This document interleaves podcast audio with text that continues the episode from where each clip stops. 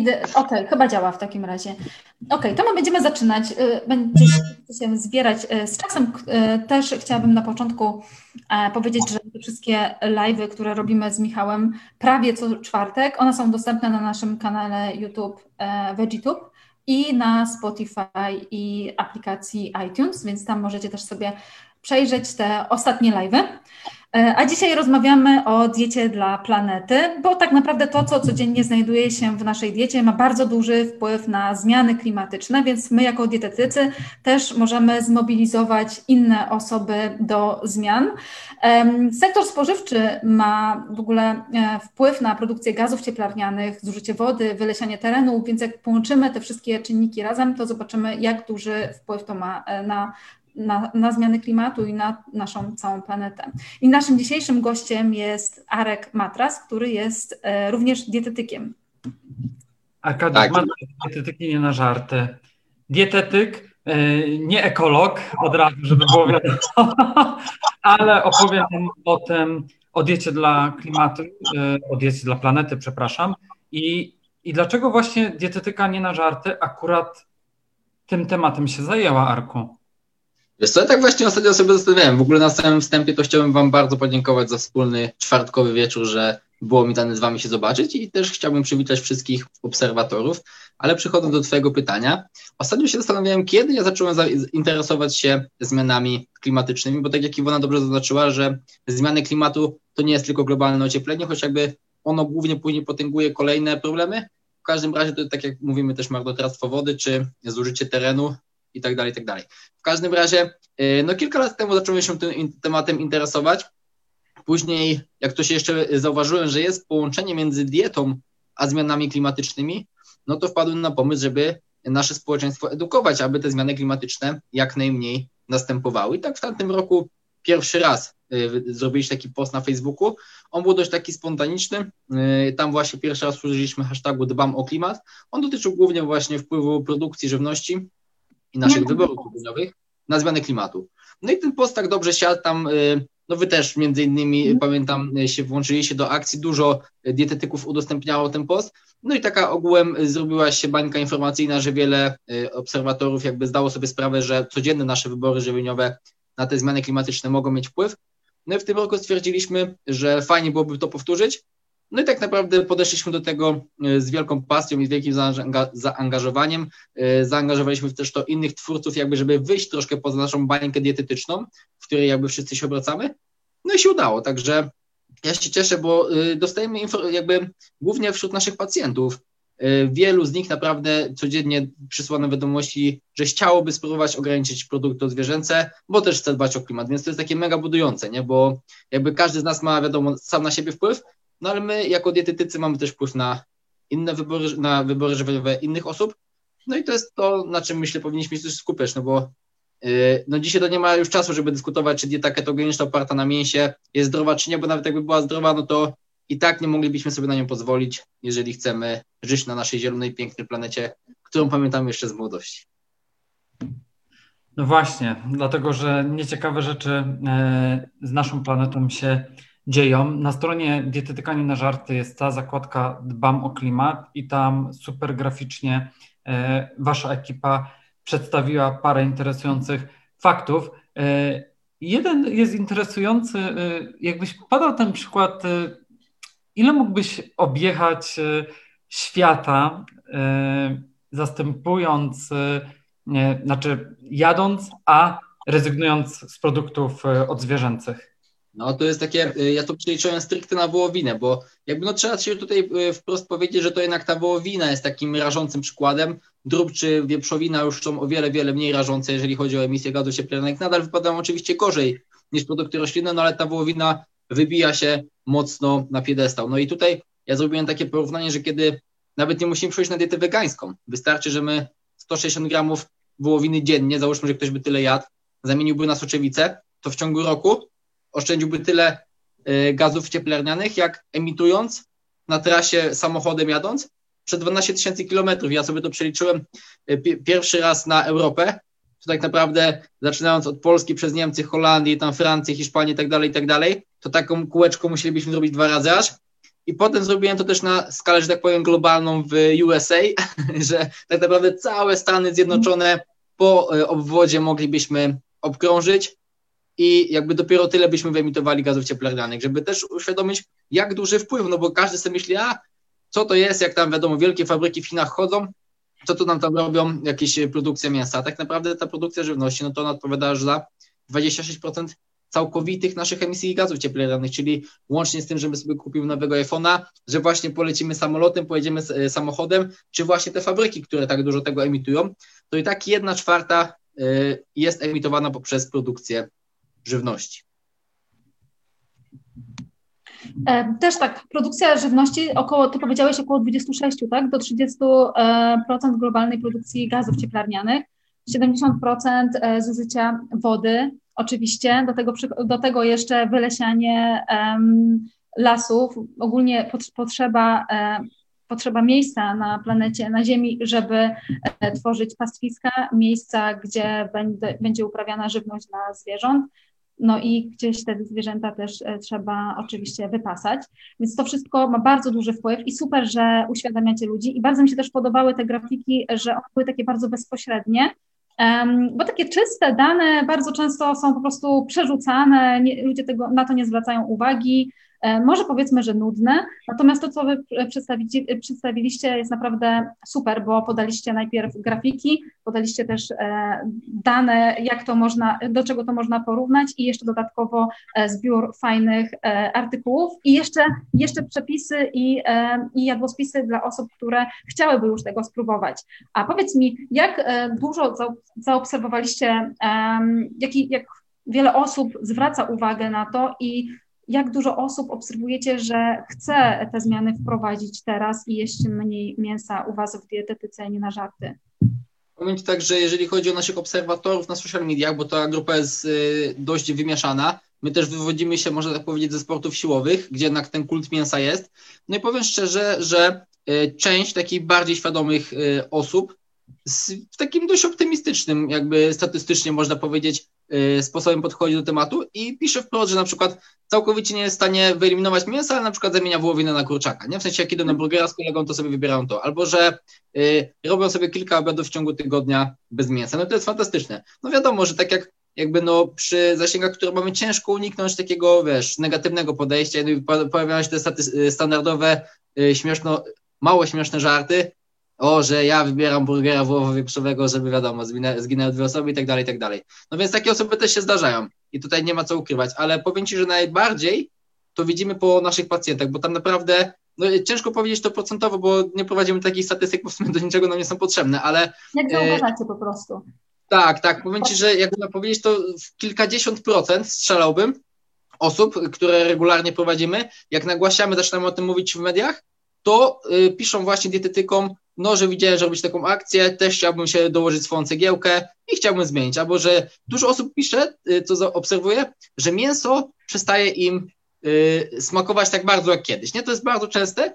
No ja osobiście na przykład tego nie, nie doświadczyłem, ale to naprawdę jest czę, często podnoszony argument, czyli takie subiektywne uczucie smaku. Ale no to mówię, tak myślę, 30, 30-50% y, pacjentów, nie mówię, że przychodzi na dietę wegetariańską czy wegańską, ale mówię, że y, na pewno chcę troszkę to ograniczyć. No i to jest fantastyczne. I to też sobie potwierdzają badania naukowe, że coraz więcej osób nie spo, spo, mm. chce przechodzić to na dietę.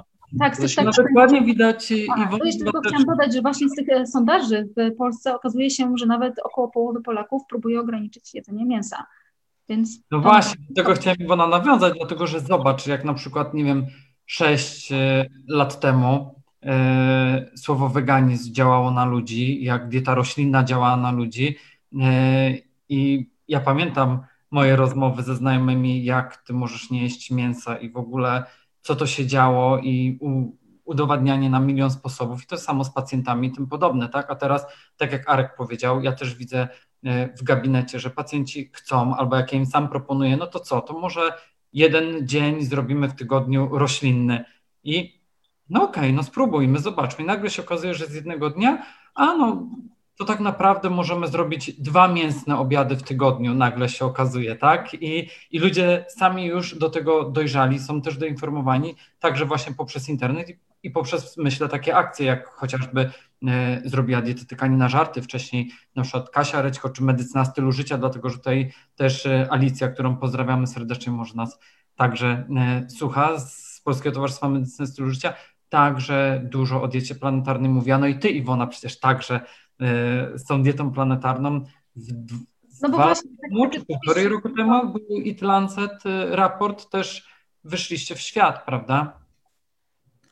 Znaczy, bo, bo, też tak jak mówisz, e, Michał, że dużo osób e, na początku, znaczy ogólnie dużo osób na początku nie zna tych e, produktów, nie zna przepisów, nie wie dlaczego, gdzieś tam się e, palą lasy, ale ciągle się tam palą lasy, gdzieś tam brakuje wody, ale tam przecież zawsze brakuje wody i dużo osób nie szuka informacji na ten temat i też nie szuka informacji, jak można przygotować ciecierzycę, e, czym można w ogóle zastąpić mięso, więc jak idzie taka osoba do dietetyka z założeniem na przykład, że to będzie taka powiedzmy tradycyjna, normalna dieta mięsna i ty proponujesz e, mu później e, posiłki roślinne, to on dopiero tak naprawdę zaczyna odkrywać i dlatego później już przechodzi e, na taką dietę powiedzmy, że bardziej roślinną. Ale nie trzeba być w 100% na diecie roślinnej, bo nawet ta dieta, powiedzmy ta dieta planetarna, która jest którą, która, która jest omówiona właśnie w tym raporcie Eat Lancet, który wyszedł w zeszłym roku, tam jest mowa o tym, że to nie jest dieta roślinna, to nie jest dieta wegetariańska.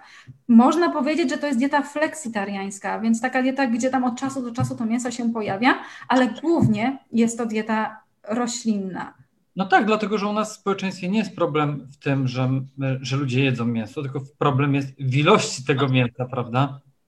Właśnie, tak, jak, jak z tą dietą planetarną jeszcze może opowiemy o tym, Marek, bo ogólnie jednak to mięso cały czas chyba wzrost jest e, spożycia mięsa, mimo wszystko. No, światowo niestety jest i to y, z tego, co mówią szacunki, to będzie jeszcze rosło i rosło. Nie wiem do którego roku dokładnie, w każdym razie to przekroczy aż te 400 milionów y, ta produkcja mięsa, z tego względu, że y, te kraje rozwijające się, czyli no, można powiedzieć głównie Azja, Afryka, to tam ten, oni, można powiedzieć, ich dopiero zaczyna być stać na spożycie mięsa, i oni są w tym etapie, gdzie my kilkanaście, kilkadziesiąt lat temu, więc y, oni te konsumpcje u nich będzie się dopiero zwiększać, więc my u nas w Europie, w y, Ameryce, być może to spożycie mięsa, tak jak ostatnio te optymistyczne dane o 2% y, w Polsce, że zmniejszyliśmy spożycie mięsa, będą następować, no ale niestety globalnie ta spożycie tej żywności odzwierzęcej będzie rosło. Tutaj też odnośnie tej diety planetarnej, ja mam nadzieję, że Wam się nie narażę, bo Wy y, mocno propagujecie dietę roślinną, ale ja uważam osobiście, że jeżeli chodzi o taki ogół społeczeństwa, to ta dieta planetarna naprawdę jest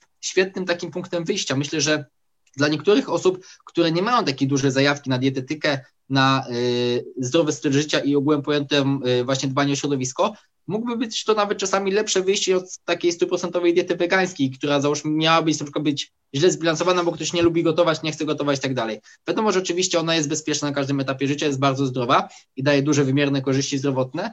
Tutaj badania pokazują, że ona jest zdrowsza niż wegetariańska czy fleksitariańska dieta, ale tu właśnie dochodzi też ten aspekt takiej praktyczności i no my tak żyjemy w tej swojej bańce i, i yy, widzimy, że bardzo duża część społeczeństwa jest wyedukowana, ale niestety ja się zderzyłem, bo teraz y, dołączyłem do roślinnego wyzwania i kiedy wracam no to na przykład... Do... Chcieliśmy później akurat zapytać. No, no, to może tylko tak zaznaczę, a później, później przejdziemy y, tego roślinnego wyzwania i na przykład kiedy wróciłem do, wracałem do domu y, mojego do Eliny, no to mama, która na co dzień roślinnie nie gotuje, no miała po prostu problem z przygotowaniem potrawy. I na przykład ten posiłek, który przygotowała, można powiedzieć, był niezbilansowany, bo to był makaron z warzywami, czyli na przykład jakiegoś tam strączka zabrakło. Y, no i myślę, że jakby, wiesz, ktoś nie edukował się w tym kierunku, ale chciał ratować planetę i stosował taką, można powiedzieć, niezdrową dietę wegańską, no bo oczywiście każdą dietę można zepsuć, no to niestety mógłby sobie krzywdę narobić. Ale tak wracając, bo trochę dygresję y, zrobiłem. Jeżeli chodzi o dietę planetarną, to y, ona, ten raport It Lancet mi się o tyle podoba, że on na przykład też bierze pod uwagę aspekty takie, jakby to można powiedzieć, kulturowe. Tak, on na przykład tam zaznacza, mhm. tak, że, że w niektórych rejonach gdzieś tam spożywa się to mięso właśnie i tak dalej, dlatego on też nie, nie mówi, że to jest właśnie dieta wegetariańska, czyli bardziej ta fleksitariańska, gdzie mamy określone jaką porcję w ciągu dnia tego mięsa mamy spożyć, tam na biału i tak dalej, i tak dalej. I oczywiście są to minimalne ilości w skali globalnej, którą aktualnie jemy, ale y, ich szacunki pokazują, że kiedy cały świat przyjąłby tę rekomendowaną dietę planetarną przed, przez Idlancet, no to nie byłoby problemu z, tym, z tymi zmianami klimatycznymi. Czyli my na tyle byśmy ograniczyli e, spożycie tych produktów odzwierzęcych, że akurat byśmy się zmieścili w tak zwanym budżecie węglowym, który jest przewidziany na 2050 rok, czyli około 5 gigaton ekwiwalentu dwutlenku węgla. To jest taka wartość, którą my powinniśmy z tego sektora żywnościowego emitować, aby nie przekraczać dalszych emisji gazów cieplarnianych, oczywiście założonych tam przez raport IPCC. I mm, dodatkowo ta dieta jest tak skonstruowana, że ona zmniejszy śmiertelność, tak, tam były szacunki, że nawet około 10-11 milionów osób rocznie mniej będzie umierać, a dodatkowo dzięki temu, że będziemy mogli tą żywność w większej ilości produkować, to te biedniejsze warstwy społeczne z tych krajów rozwijających się będą w stanie lepiej się wyżywić, tak? Bo y, ta część jakby nadwyżki, można powiedzieć, która nam zostanie, można, y, będzie mogła być tam przekazana i dzięki temu y, zmniejszy się też to niedożywienie w krajach rozwijających się, więc to jest no tak świetnie skonstruowane, tak? I tam właśnie w tym raporcie można przeczytać dokładnie, jak ta dieta rekomendowana powinna wyglądać. My to też przetłumaczyliśmy na język polski, u nas y, jest na temat fleksitarianizmu, diety planetarnej artykuł, więc jeżeli ktoś by chciał przeczytać, to ja serdecznie zachęcam.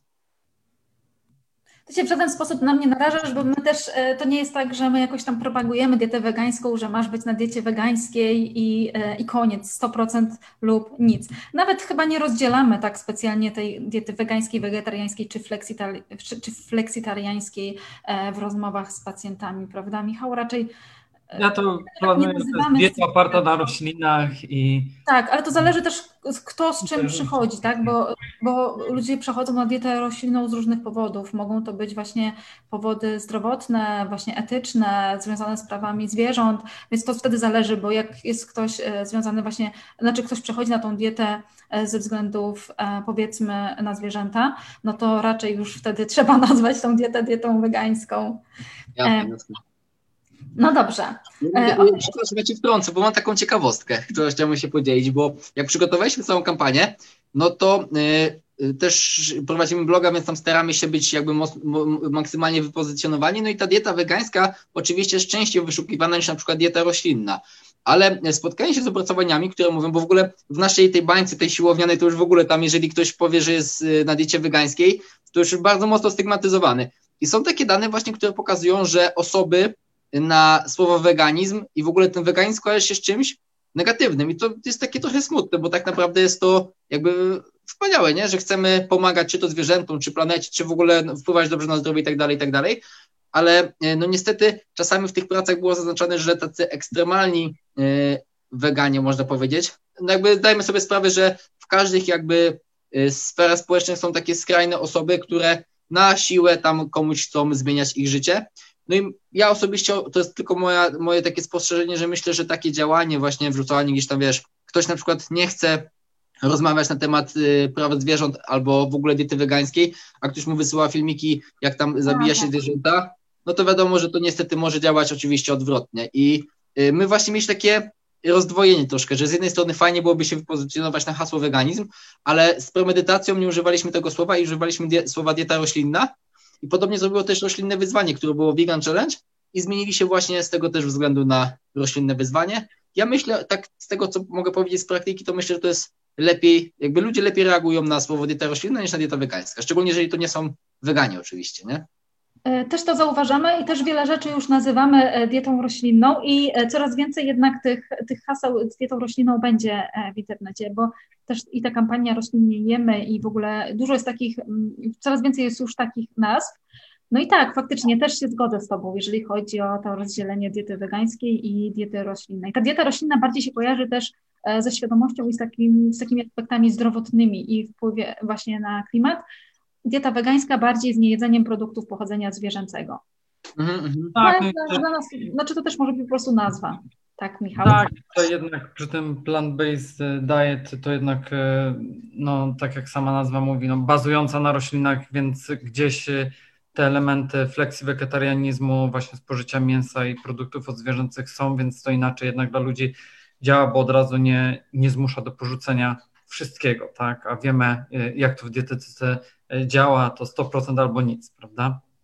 Tak. A też ta dieta fleksitariańska, gdzie jest trochę mięsa, powiedzmy, są jaja, jest e, trochę nabiału e, i tak może być zdrowsza od takiej stricte niezdrowej diety wegańskiej, no bo umówmy się, dieta wegańska może być e, bardzo niezdrowa, zawierać chipsy, frytki, zawierać różnego rodzaju ciastka, tłuszcze utwardzane i to też są przecież produkty wegańskie.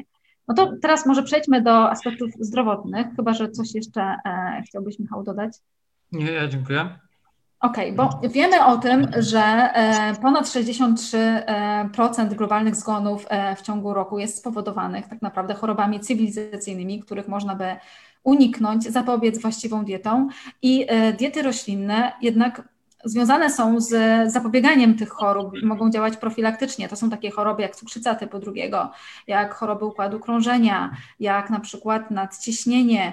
Więc um, osoby na diecie roślinnej tak jakby wspierają, chociaż może nawet nie na diecie roślinnej, bo na tej powiedzmy diecie fleksitariańskiej, czy na tej diecie planetarnej, też to tak możemy nazwać, wspierają klimat, e, ale także e, własne zdrowie, co tutaj jest ważne dla niektórych osób te działania, znaczy to, to wsparcie klimatu będzie motyw- motywacyjne, a dla innych osób też to, że wspierają własne zdrowie.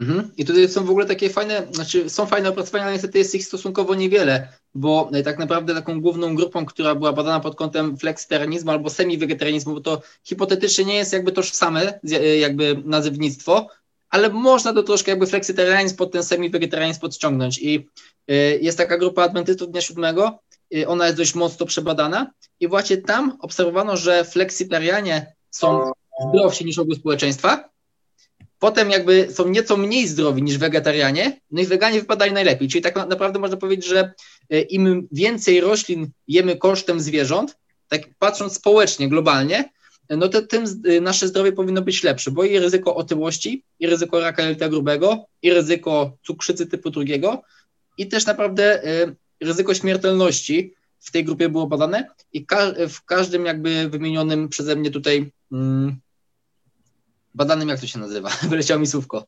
E, czynni z każdym czynnikiem? Tak, jakby no w, ka w, każdym tym przypadku można powiedzieć, to ryzyko było niższe w diecie e, fleksitariańskiej. Ja się tak zastanawiałem też, bo tak naprawdę kiedy załóżmy, y, ustawilibyśmy sobie taki zbilansowany model diety wegańskiej, ale dorzucilibyśmy na przykład do niego w ciągu tygodnia porcję łososia i na przykład kilka kubeczków skira albo innego jogurtu naturalnego, to ja się zastanawiam, czy na przykład taka dieta nie byłaby troszkę zdrowsza niż ta stricte wegańska, z tego względu, że no wiemy, że i te produkty mleczne, i tłuste ryby morskie yy, wpływają ogółem w badaniach yy, obserwacyjnych korzystnie na zdrowie, czyli te osoby, które mm. jedzą umiarkowane ilości nabiału, na przykład te 200 gramów jogurtu dziennie, yy, mają niższe ryzyko niektórych chorób, na przykład cukrzycy właśnie typu drugiego, czy Y, nadciśnienia tętniczego. I tu to taka sprawa jest ciekawa, nie, nie rozwikłana, jeżeli chodzi o literaturę naukową. Można sobie takie spekulacje snuć.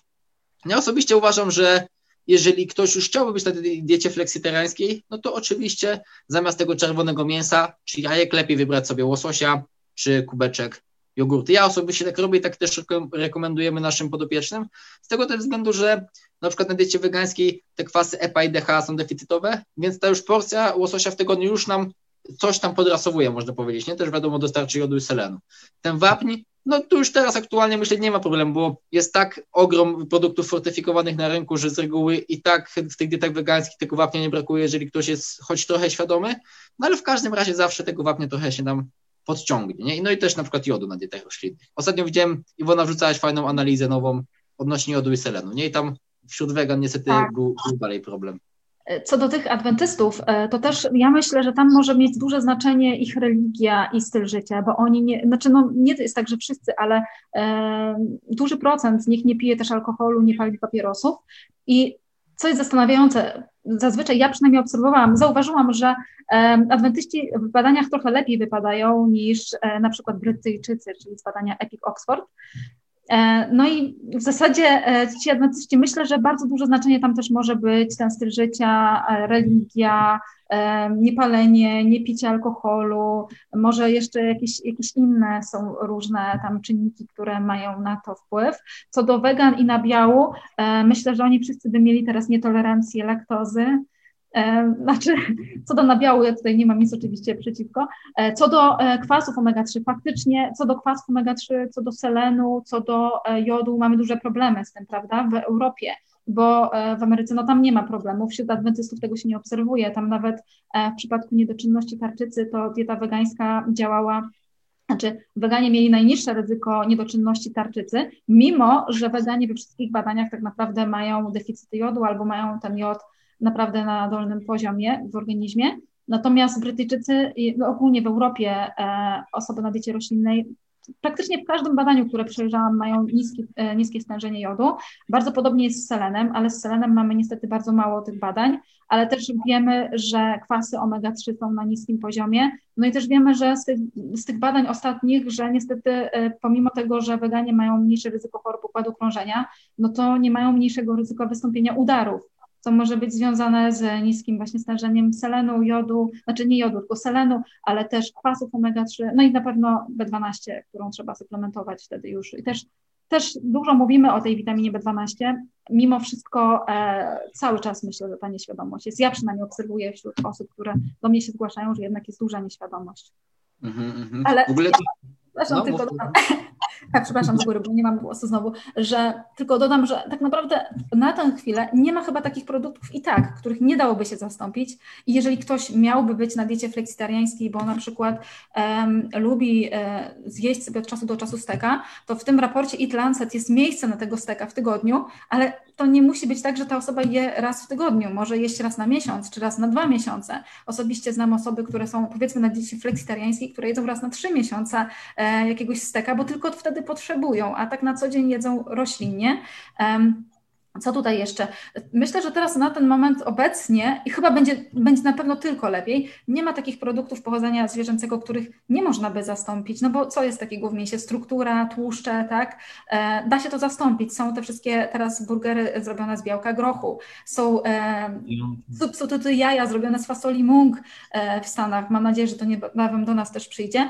E, jest tak dużo różnych produktów, które e, zastępują produkty pochodzenia zwierzęcego. No i ten moda startupy, e, młode startupy teraz wymyślają. Byłam ostatnio, czy w zeszłym roku na e, prelekcji startupu, który robi e, ryby, mięso ryby z próbówki, więc super. Myślę, że w przyszłości będzie coraz więcej takich produktów, więc jeżeli ktoś będzie chciał jeść mięso, to może tak naprawdę e, jeść fałszowane mięso, czyli to z białka grochu, albo z próbówki tam za jakieś, nie wiem, 20-30 lat. Zwłaszcza, no. że chyba tutaj warto powiedzieć, że małe kroki mogą dużo zmienić w naszym życiu i w życiu planety, bo tak naprawdę to też o tym rozmawiamy i już nawet y, zamienienie 3% y, energii y, z białka pochodzenia na przykład wołowego, tak, może obniżyć ryzyko śmierci ze wszystkich przyczyn, na przykład o ponad 30%. W przypadku też czerwonego mięsa w przypadku nowotworów ryzyko śmierci spada o 40%, kiedy już tylko 3% energii wymienimy, tak? No może tutaj nie mówię o chorobach sercowo-naczyniowych, bo tutaj też to ryzyko spada o 40%, więc e, tutaj jest już dużo badań, które to przedstawia, pokazuje, więc jest wiele tych aspektów jeszcze zdrowotnych, które można było ująć i tak jak powiedziałem, tutaj jest tylko na przykład mowa o 3%, a nie o tym, żeby całkowicie zastąpić, więc jak mała zmiana, mały krok, może tak naprawdę wprowadzić no już dużą zmianę. Jasne. I tutaj w ogóle, ja może też, bo, bo fajnie, że powiedziałeś, jakby wprowadziłeś nas znowu na temat diety e, w kontekście planety, bo tak troszkę dygresją sobie odpłynęliśmy. E, ja może chciałbym powiedzieć, też mówiłeś o małych ilościach. To ja chciałbym zaznaczyć o e, takie dwa popularne, może nie mity, ale kontrowersyjne tematy, czyli temat tego, czy musimy jeść lokalnie, żeby dbać o planetę, bo to w naszych komentarzach na przykład bardzo często był podnoszony temat, że ktoś woli sobie zjeść kurczaka z Polski niż na przykład awokado z Meksyku. I w ogóle to, do tego awokado to ja chciałbym za chwilkę przejść, bo to jest coś, co tak, mnie tak... Awokado powiedzieć. No za dużo. Tak, zawsze tak awokado.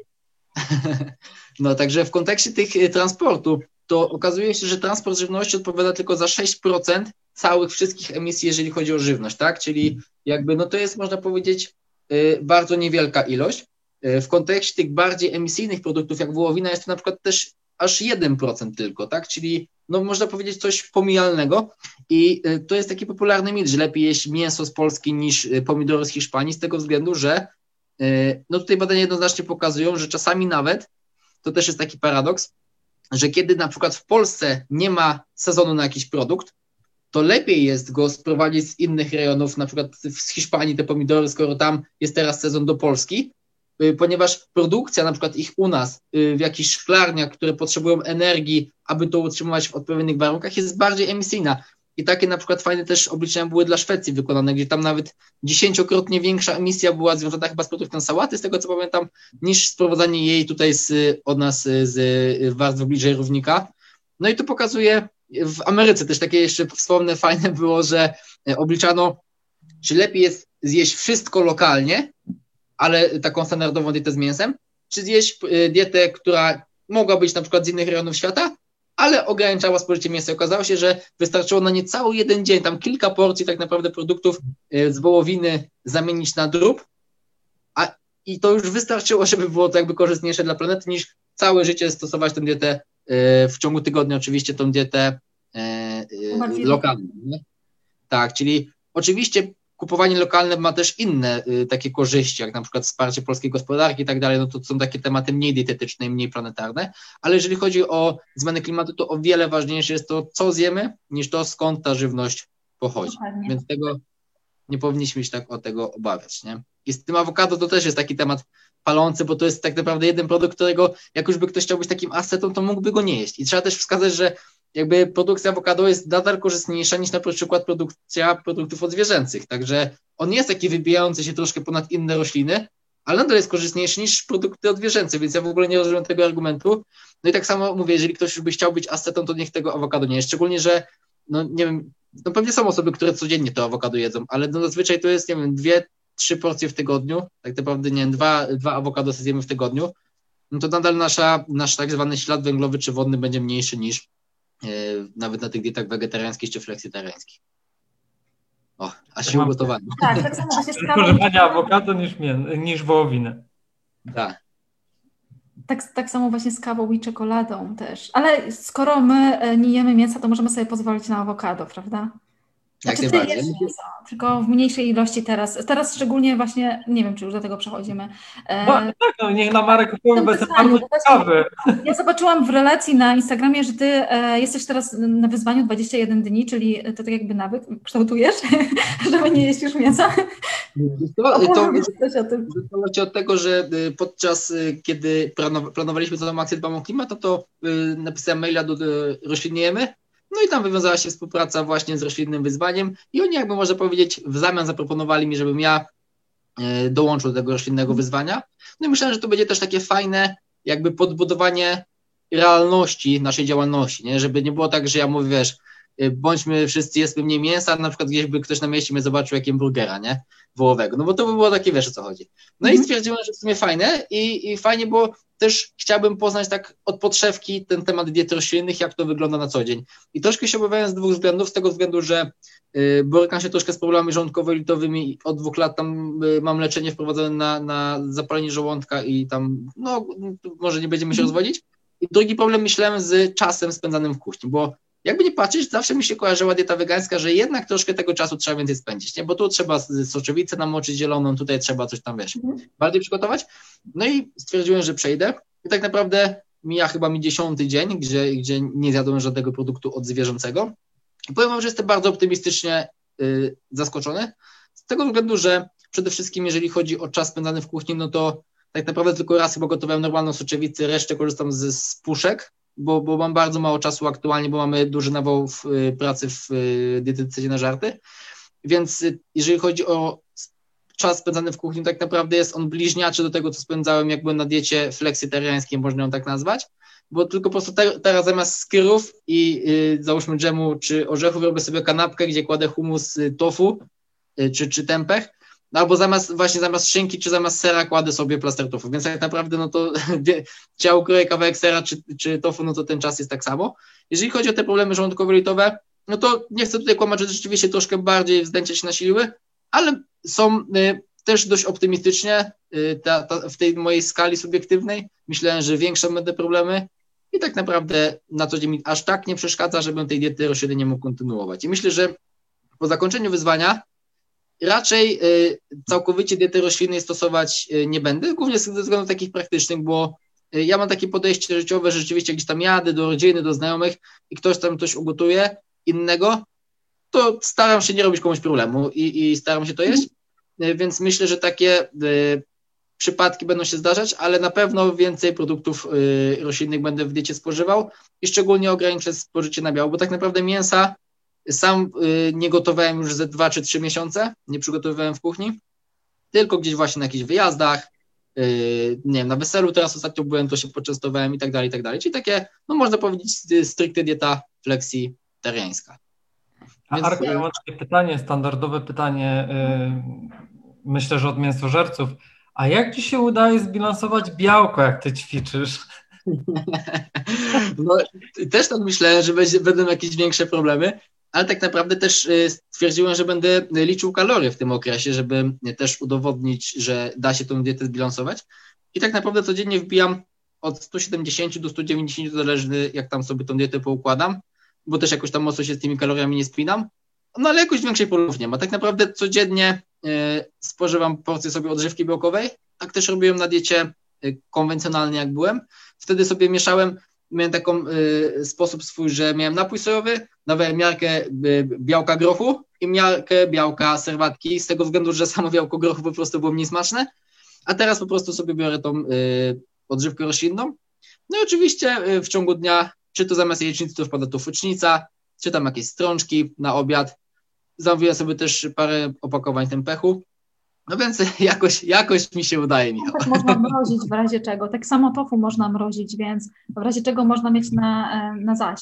Ogólnie e, dobrze, że mówisz też o tych strączkach i o problemach jelitowych, bo e, z tego, co ja zauważam w swojej praktyce, to bardzo dużo osób boi się przejścia na dietę roślinną, znaczy może nawet nie na taką stricte roślinną, ale jest więcej produktów roślinnych, bo są strączki i strączki są wzymające, e, mają problemy jelitowe. No jest kilka, kilka rzeczy, nie wiem, czy ty też prawdopodobnie wiesz, jak, e, jak zredukować w razie czego te wzdęcia e, ze strączków, czy mówić o tym, może powiedzieć. Myślę, że może powiedzieć praktycznie. To może ja powiem, powiem takie moje główne, które ja robię. Właśnie. Mhm. Ja przede wszystkim właśnie korzystam ze strączków puszkowanych, bo one mają trochę tych mniej FODMAPów ja osobiście też lepiej toleruję te mniejsze stroczki, też z reguły tak ludzie mają, że y, ta soczewica czerwona na przykład jest lepiej tolerowana, wiadomo, niż cieciorka, czy nawet ta soczewica zielona. I osobiście u mnie jest podobnie, więc y, też na, na, te produkty stawiam.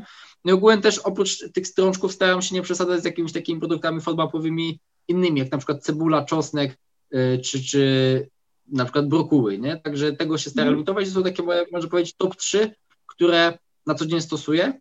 A teraz myślę, że jeszcze może się podzielić z nami innymi tipami. Znaczy ja mam sporo takich tipów, ale e, też e, to, co chciałam powiedzieć, bo ty już wspomniałeś o tym, właśnie to, co jest ważne, żeby nie miksować za dużo tych produktów FODMAPowych na samym początku, czyli tych wszystkich cukrów fermentujących w jelicie, bo e, połączenie cebuli, czosnku, brokuła, kapusty z fasolą w jednym posiłku, ktoś może tak zjeść i stwierdzić po pierwszym posiłku nie, wracam do jedzenia kotleta.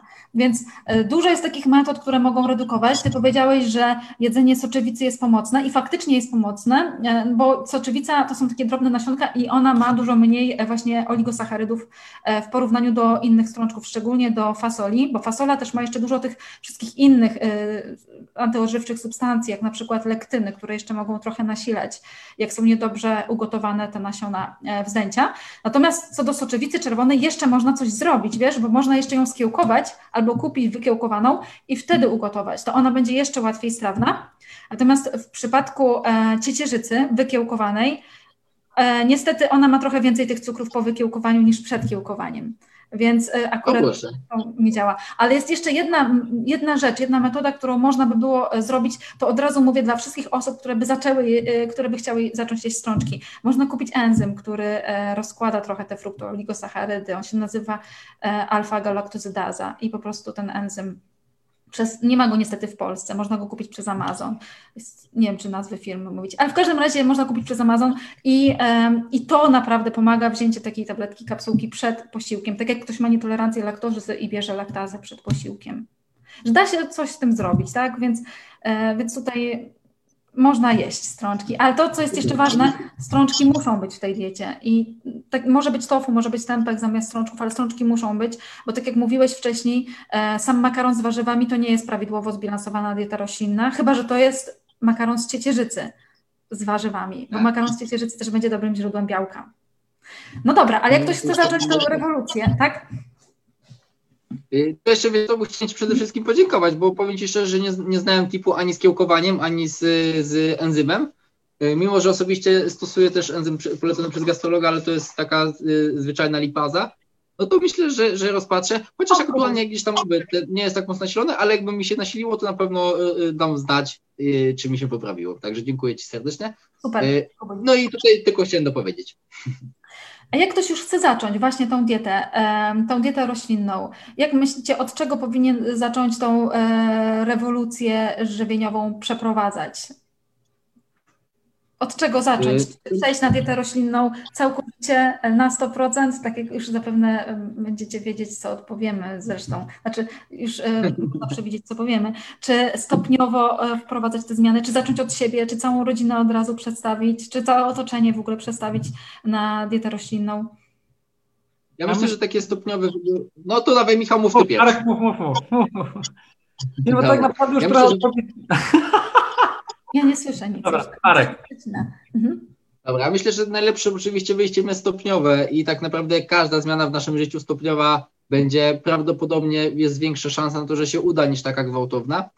Y, I tak naprawdę myślę, że przynajmniej w kontekście zdrowia planety, o której dzisiaj sobie dyskutujemy, to warto wybrać z naszej diety takie produkty, które są najbardziej emisyjne, które w największych ilościach. Jeżeli są na przykład wśród nas słuchacze, którzy lubią bardzo wołowinę czy żółty ser, to są takie dwa produkty, które często się wymienia, które są y, często w naszych dietach i są też mocno obciążające dla planety, to myślę, że warto je na przykład zamienić nawet na tą wieprzowinę, tak? Czyli jak robi sobie ktoś spaghetti i na co dzień tam używał wołowiny, to już zamiana na jakieś tam chłode mięso mielone jest takie w Biedronce, już to będzie dobra korzyść dla zdrowia planety. Oczywiście można iść od razu trochę dalej, myślę, że to będzie spoko, spoko jeżeli weźmiemy drób, albo nawet właśnie tak jak tu Michał wspominał, zrobienie sobie kilku dni w tygodniu, gdzie nawet na początku tylko obiad, bo z reguły na ten obiad się je trochę więcej mięsa niż w innych posiłkach, yy, zrobienia posiłków bezmięsnych.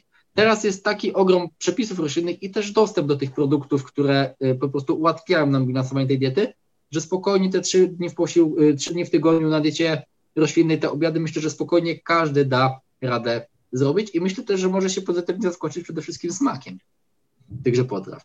Ja muszę tak powiedzieć, że ostatnio, że mam takiego pacjenta, któremu właśnie chciałem zaproponować i zaproponowałem jak zwykle, czy robimy jakiś dzień roślinny i w ogóle, bo to jest akurat typowy mięsożerca. I powiem Wam, że bardzo mnie zaskoczył, dlatego że on stwierdził, ok, ja chciałbym zjeść sobie burgera jednak wołowego, bo, bo lubię i koniec, ale na przykład e, zaczął to mięso robić pół na pół z czerwoną soczewicą i takie na przykład kotlety robił, więc i tak zobaczcie, że jest to super. Jest to krok w przód, prawda? Więc e, nawet i taka zmiana, tak, to już jednak będzie ten krok. A później już przestał te kotlety. Ale przeszedł na roślinne, żeby nie było. A, dobra, a Arek, a czy próbujesz e, tych e, fejkowych mięs? Czy smakują Ci te produkty i czy one smakują jak mięso w ogóle? Co o nich uważasz teraz? E, jak jesteś w ciągu, znaczy jak jesteś przez te 21 dni e, na diecie roślinnej, to ile razy zjadłeś? Tak mniej więcej. Czy często Ci się zdarza? Powiem Ci, że akurat y, tych alternatywy mięsa, takie popularne, które można kupić, to y, próbowałem wcześniej, nawet nie na teraz, co było na tym y, diecie roślinnej, bo jak już zacząłem się tym tematem interesować od trzech lat, to też nie jest tak, że wiesz, ja dopiero teraz gdzieś tam zaczynam to mięso limitować, ja już wcześniej y, ograniczałem je i sobie próbowałem takich alternatyw. Y, mimo tego, że ich skład nie jest zadowalający w większości, tam one się opierają się na przykład o olej kokosowy, jakieś tam dodatki. I osobiście powiem Ci, że nie przekonują mnie z tego że ja osobiście nie potrzebuję smaku mięsa w diecie, ani tego, tej, tej tekstury i nie jestem osobą, która musi mieć mięso w diecie. I z drugiej strony to są też produkty, które można powiedzieć chyba, że są nie, może nie niezdrowe, ale nie są tak zdrowe jak po prostu takie konwencjonalne produkty.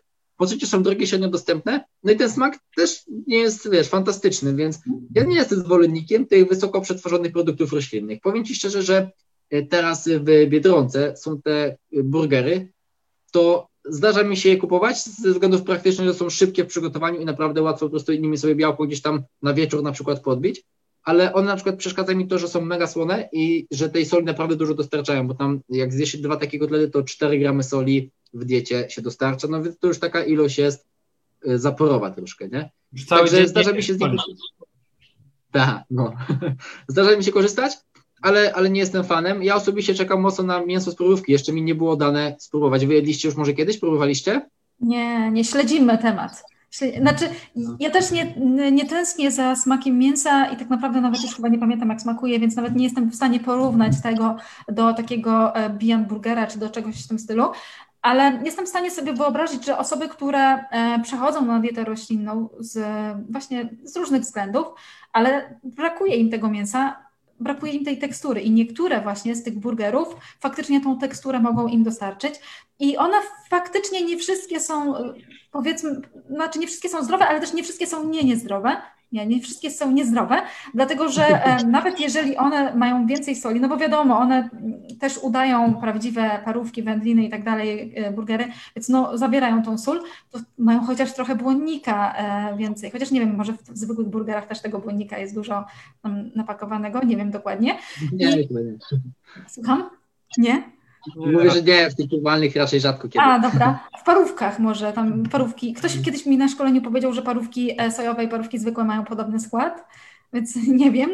E, w każdym razie my też e, czekamy na to mięso z próbówki, żeby zobaczyć też, jak to będzie jak, jak to będzie w ogóle wyglądać na świecie, jaka będzie w ogóle przyszłość tych wszystkich produktów roślinnych również, dlatego że teraz tak jakby jest coraz więcej tych wszystkich zamienników produktów roślinnych, jest coraz więcej e, zamienników nabiału, coraz więcej jest e, w różnych dużych marketach zamienników mięsa i ostatnio mieliśmy też o tym live e, z Michałem. Także myślimy, że świat czeka na mięso z probówki także.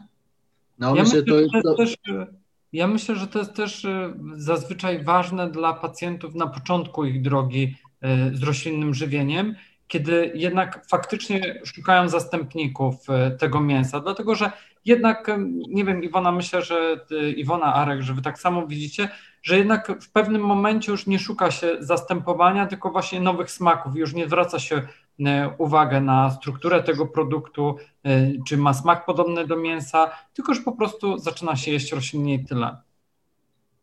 Mhm. Jeszcze co do tych. A, dobra, chciałeś. Ja jeszcze chciałam o tych mięsach, ale powiedz, Arek.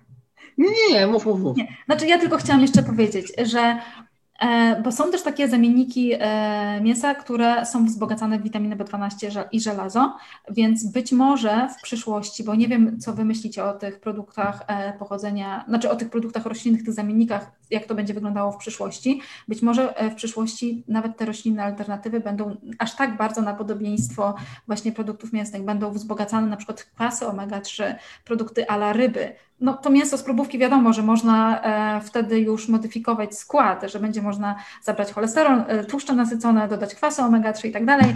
E, nawet widziałam e, na wykładzie zdjęcia lodów jako e, mięsne lody albo mięsne batony, e, także mm, tak, to, tak to będzie wyglądać. Więc jak myślicie, jakie w ogóle jest jaka jest przyszłość tych produktów żywnościowych wraz z, ze zmianami klimatycznymi postępującymi i z tym, jak będzie coraz więcej ludzi na świecie? Ja myślę, że ta świadomość się tak rozwija, że kto pierwszy wprowadzi taką na większą skalę w Polsce, czy w ogóle na świecie e, takie produkty, to naprawdę może się e, biznesowo pieniędzy nachapać, bo myślę, że to będzie strzał w dziesiątkę. No i to widać, że jakby no ten popyt na to jest duży, wiele osób o tym pisze, mimo że tego tak naprawdę mało osób to pewnie było, e, miało możliwość spróbowania tych alternatyw mięsa. I ja myślę, że naprawdę może to zrewolucjonizować troszkę podejście, ja czytałem gdzieś takie szacunki, kurczę, teraz nie pamiętam już liczb dokładnych, jak to będzie się zmieniać, jeżeli chodzi o spożycie tych mięs właśnie alternatyw w kontekście do konwencjonalnej ży żywności, jeżeli chodzi o mięso, ale wiem, że takie szacunki są już robione. Tak, no tak, więc tak, ja, gdzieś. Mhm. No, więc ja myślę, że na pewno y, w tę stronę to będzie szło. Ja też osobiście podchodzę y, dość y, z uśmiechem na twarzy, jeżeli chodzi o te owady. Nie wiem, jak wy podchodzicie, bo też wy macie dietę stricte roślinną i na przykład jakie jest wasze zdanie, na, czy wy na przykład y, zjedlibyście owady, czy nie zjedlibyście owadów? E, to znaczy, y, ja raczej chyba bym nie, bo ale to nie ze względu na to, e, znaczy nie wiem, czy ze względu na to, czy to owady, ja po prostu nie potrzebuję tego, ale osobiście nie mhm. mam nic przeciwko e, białku z owadów. To chodzi tutaj o to sproszkowane białko, które będzie czy w batonach, czy gdzieś tam jakieś odżywki białkowe z owadów i tak dalej. Tak, no to jest no. Jednak białko, które nie powoduje takiej emisji e, gazów cieplarnianych, tak? Więc ogólnie jest e, bardzo ekonomiczne. Ja ogólnie jest, jestem bardzo pozytywnie tutaj do tego nastawiona. A ty, Michał? Ja akurat, ja akurat bym chyba, zanim bym tego skosztował, to musiał przemyśleć to bardzo głęboko. E, ale wracając jeszcze do tych produktów mięsa z próbówki w ogóle. Ja liczę, że to jest przyszłość, tylko chciałbym, mm, żeby tak naprawdę to zaczęło się dziać na przykład zanim będzie coraz więcej, nie wiem, uchodźców klimatycznych i tym podobne, tak? Dlatego, że boję się, że możemy się po prostu za późno obudzić z tym wszystkim. I my dzisiaj mówimy, i my dzisiaj już mówimy o tym, jak jeść, e, aby tak naprawdę ratować planetę i e, żebyśmy mogli trwać, ale nie za dużo osób jeszcze coś z tym robi i boję się, że przyjdzie taki moment, w którym już będzie za późno. No ale to już może wtedy już ktoś po nas będzie się tym zajmował. No to jest spory problem. Tu też szacunki są takie, że do tego 2050, do którego walczymy, aby nasz klimat się nie ociepił o półtora stopnia, też słysza z, w porównaniu z epoką przedprzemysłową, to musimy, jeżeli chodzi o dietę, bo oczywiście to jest tylko jeden z elementów układanki, nie? bo to są wszystkie te y, wielkie korporacje, rzeczywiście tu wiesz, wiadomo, że my na nie wpływu nie mamy, ale one też muszą się zmieniać. Osobiście czytałem wczoraj albo przedwczoraj właśnie wypowiedź jednej z pań, która w Unii Europejskiej zajmuje wysokie stanowisko na temat tego, że chcą przyspieszyć y, tą neutralność emisyjną, jeżeli chodzi o wielkie korporacje w Unii Europejskiej. Tam właśnie w Polsce mamy dość spory z tym problem, bo nasza gospodarka jest mocno oparta na węglu, ale te wielkie firmy typu Microsoft i tak dalej są bardzo otwarte na to. Y, ale jeżeli chodzi o dietę, to te zmiany powinny być stopniowe, tak jak tutaj mówiliśmy, i w 2050 roku, jeżeli każdy by tą dietę planetarną stosował, no to i do tego musielibyśmy dołożyć jeszcze zmniejszoną, mar, zmniejszone marnotrawienie żywności o 50% w stosunku do tego, co jest teraz, no to ten y, koszt węglowy, ten budżet węglowy będziemy w stanie, y, że tak powiem, chyba zaspokoić, to będzie dobre słowo. Ja myślę, y, że bo miałem myśl taką, którą chciałem się podzielić z wami, która była dla mnie ważna i mi wyleciała z głowy, więc my, myślę, że możecie kontynuować, a mi się przypomni może. Znaczy jeszcze jak tutaj powiedziałeś o marnotrawstwie żywności, no bo tutaj tak, no z jednej strony y, mamy prawie 50 milionów dzieci na świecie, które godują, z drugiej strony mamy prawie 50 milionów dzieci do 5 roku życia, które mają nadwagę y, i otyłość, to jest y, jedna rzecz. Druga właśnie to kupowanie żywności w nadmiarze, nieprzemyślane zakupy i tym podobne, dlatego że tutaj też jest ogromny problem z tym związany i także to poruszyliście na e, swojej stronie.